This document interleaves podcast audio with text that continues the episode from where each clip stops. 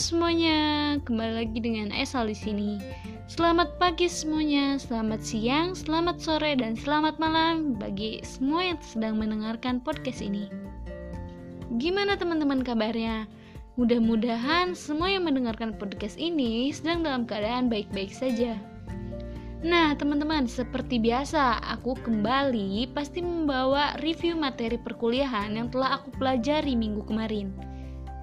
Di review kali ini, aku bakal bahas materi tentang etnometodologi, di mana ini lanjutan dari bahasan fenomenologi.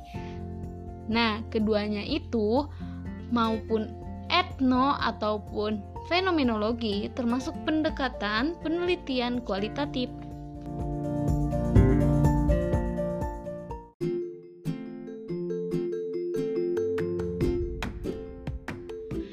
Teman-teman, langsung aja kita berhitung sampai 3 dan langsung mulai reviewnya. Oke, kita berhitung 1, 2, 3, kita mulai reviewnya.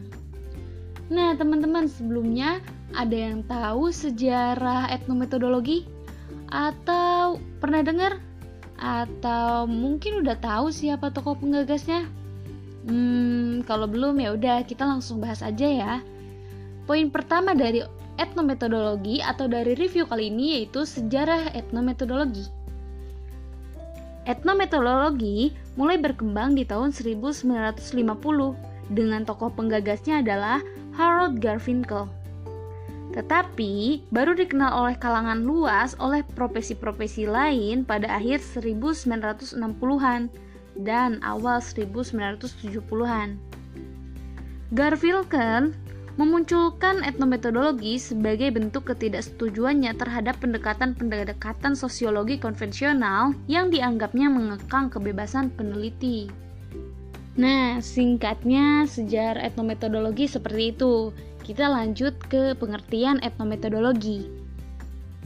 Nah, istilah etnometodologi yang berakar pada bahasa Yunani berarti metode yang digunakan orang dalam menyelesaikan masalah kehidupan sehari-hari. Etnometodologi adalah suatu studi tentang praktek sosial keseharian yang diterima secara taken for granted berdasarkan akal sehat atau common sense. Etnometodologi Grafinkel ditujukan untuk meneliti aturan interaksi sosial sehari-hari yang berdasarkan akal sehat. Apa yang dimaksudkan dengan dunia akal sehat adalah sesuatu yang biasanya diterima begitu saja, asumsi-asumsi yang berada di baliknya, dan arti yang dimengerti bersama. Inti dari etnometodologi Grafinkel adalah mengungkapkan dunia akal sehat dari kehidupan sehari-hari.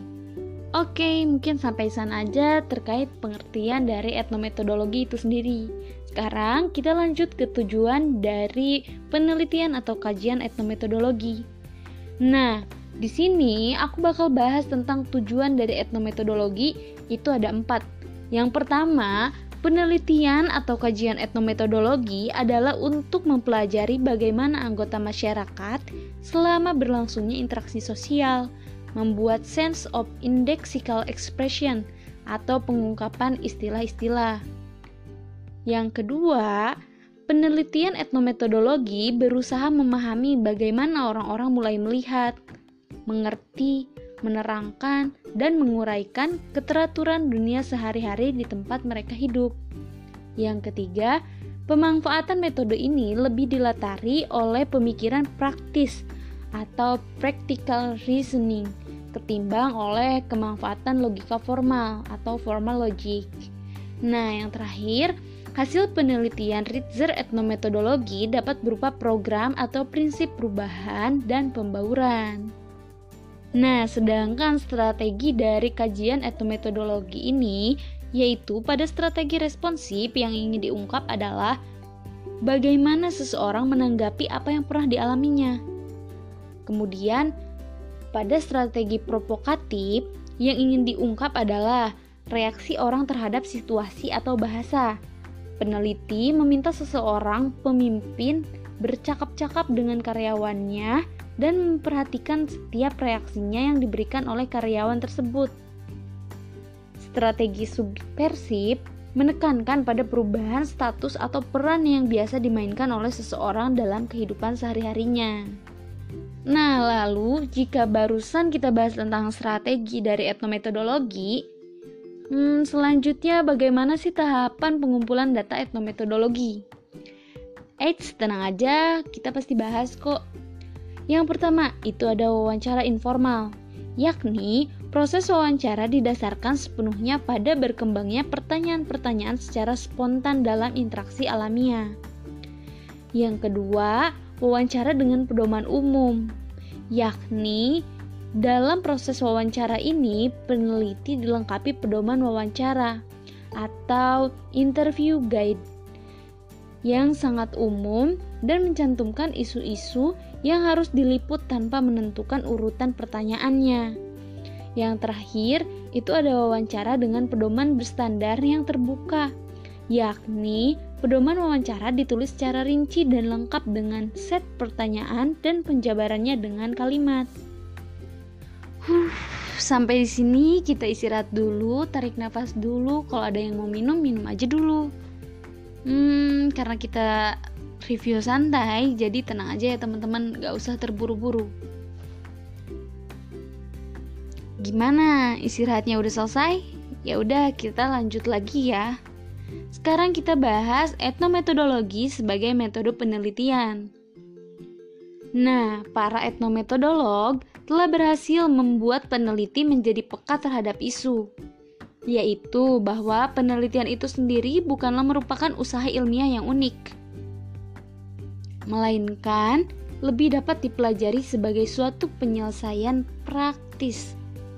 Mereka menyarankan agar kita berhati-hati dalam memandang pemahaman akal sehat sebagai dasar pengumpulan data.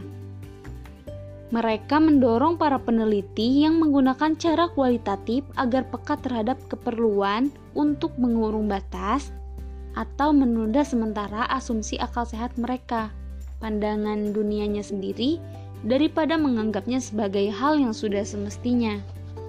Nah, tujuan penggunaan metode etnometodologi adalah memahami dunia konstruksi partisipan yang tercermin dalam percakapan sehari-hari yang menunjukkan bagaimana mereka memandang, menilai, menafsirkan, ataupun memaknakan sesuatu. Contohnya ialah mempertanyakan bagaimana orang Tionghoa di mata orang Jawa berdasarkan konstruksi dalam percakapan mereka sehari-hari. Nah, next kita bahas tentang etnometodologi sama dengan biarkan objek berbicara. Mengapa begitu?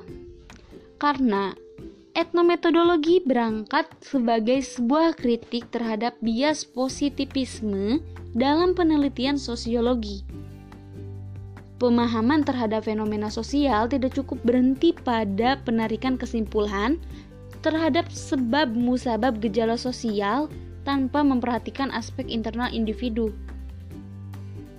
Fakta sosial merupakan produksi dari tindakan interpretatif individu sebagai respon terhadap kehidupan. Etnometodologi berkeinginan untuk melakukan suatu studi ilmiah yang bertujuan untuk memahami alam pikir individu atau lokal rationalities dalam tindakannya di kehidupan sehari-hari. Nah, fokus kaj fokus kajian dari etnometodologi bukan hanya orang atau people sebagai kediriannya yang tunggal, namun sebagai anggota atau bagian dari sebuah struktur luaran yang lebih luas, entah itu masyarakat atau bentuk yang lainnya.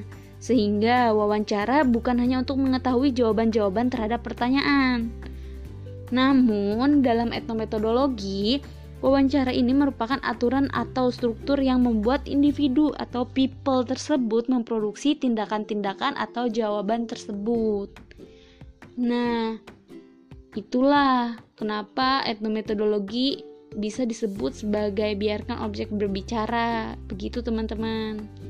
Nah, selanjutnya kita bahas tentang posisi dari etnometodologi ini. Etnometodologi oleh beberapa pakar dipandang sebagai sebuah studi pembaharuan dalam sosiologi. Etnometodologi memiliki kesamaan dengan beberapa pendekatan sosiologi sebelumnya, yaitu fenomenologi, interaksionis, simbolik, dan theocrat persons. Nah, etnometodologi ini juga termasuk rumpun penelitian kualitatif yang beranjak dari paradigma fenomenologi.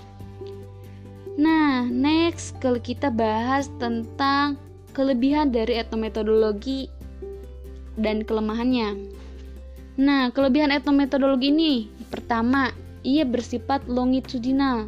Sebagai suatu metode observasi yang sedang berlangsung, etnometodologi dapat merekam perubahan-perubahan apa yang terjadi dan tidak harus menyadarkan diri pada ingatan partisipan.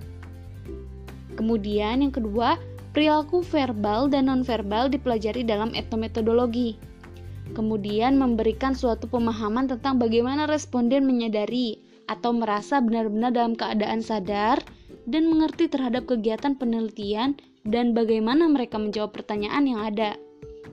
Sedangkan kelemahan dari etnometodologi itu sendiri untuk studi skala luas atau sikap masyarakat dalam skala besar lebih cocok dengan menggunakan metode survei dibandingkan etnometodologi. Jadi etnometodologi ini lebih ke penelitian individu ya teman-teman.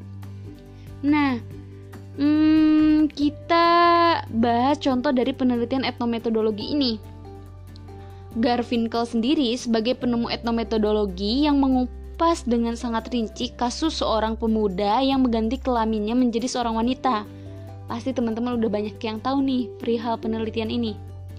Nah, dalam penelitian itu, Garfinkel menceritakan bagaimana proses awal hingga dilakukan perubahan itu, bagaimana si pemuda mengubah peran, dan bagaimana ia memiliki teman baru, dan termasuk bagaimana pertama kali si pemuda itu tidur sekamar dengan wanita lain. Jadi sangat benar-benar rinci teman-teman. hmm, kurang lebih sekitar 11 menit ya kita udah bahas atau kita udah review materi dari etnometodologi. Hmm, aku berharap sih mudah-mudahan teman-teman paham dan bisa sharing lagi terkait etnometodologi atau bisa cari lagi lebih luas informasi tentang etnometodologi. Hmm, mungkin dari aku dicukupkan sekian. Terima kasih banyak untuk semua teman-teman yang telah mendengarkan podcastku dan terima kasih untuk semua teman-teman yang gak bosen-bosen mendengarkan podcast ini. Semoga gak bosen sampai akhir ya dan terus mau mendengarkan podcast ini. Seperti biasa, pesan manis untuk semua teman-teman yang mendengarkan.